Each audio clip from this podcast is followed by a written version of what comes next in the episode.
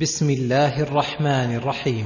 يقول تعالى ذاما لمن ترك حقوقه وحقوق عباده. أرأيت الذي يكذب بالدين؟ أي بالبعث والجزاء فلا يؤمن بما جاءت به الرسل. فذلك الذي يدع اليتيم.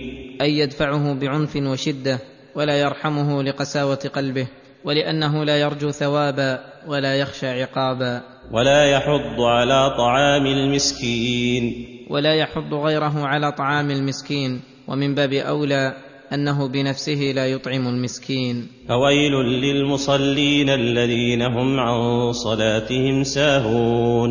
فويل للمصلين أي الملتزمون لإقامة الصلاة ولكنهم عن صلاتهم ساهون. أي مضيعون لها تاركون لوقتها مفوتون لأركانها وهذا لعدم اهتمامهم بأمر الله حيث ضيعوا الصلاة التي هي أهم الطاعات وأفضل القربات والسهو عن الصلاة هو الذي يستحق صاحبه الذم واللوم. وأما السهو في الصلاة فهذا يقع من كل أحد حتى من النبي صلى الله عليه وسلم.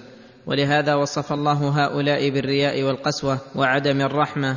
فقال الذين هم يراءون ويمنعون الماعون.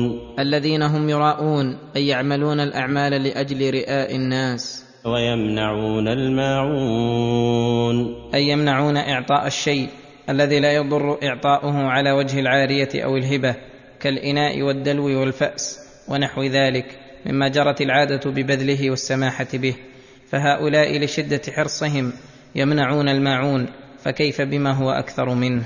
وفي هذه السورة الحث على إكرام اليتيم والمساكين والتحضيض على ذلك ومراعاة الصلاة والمحافظة عليها وعلى الإخلاص فيها وفي جميع الأعمال والحث على فعل المعروف وبذل الأمور الخفيفة كعارية الإناء والدلو والكتاب ونحو ذلك لأن الله ذم من لم يفعل ذلك والله سبحانه وتعالى أعلم بالصواب والحمد لله رب العالمين.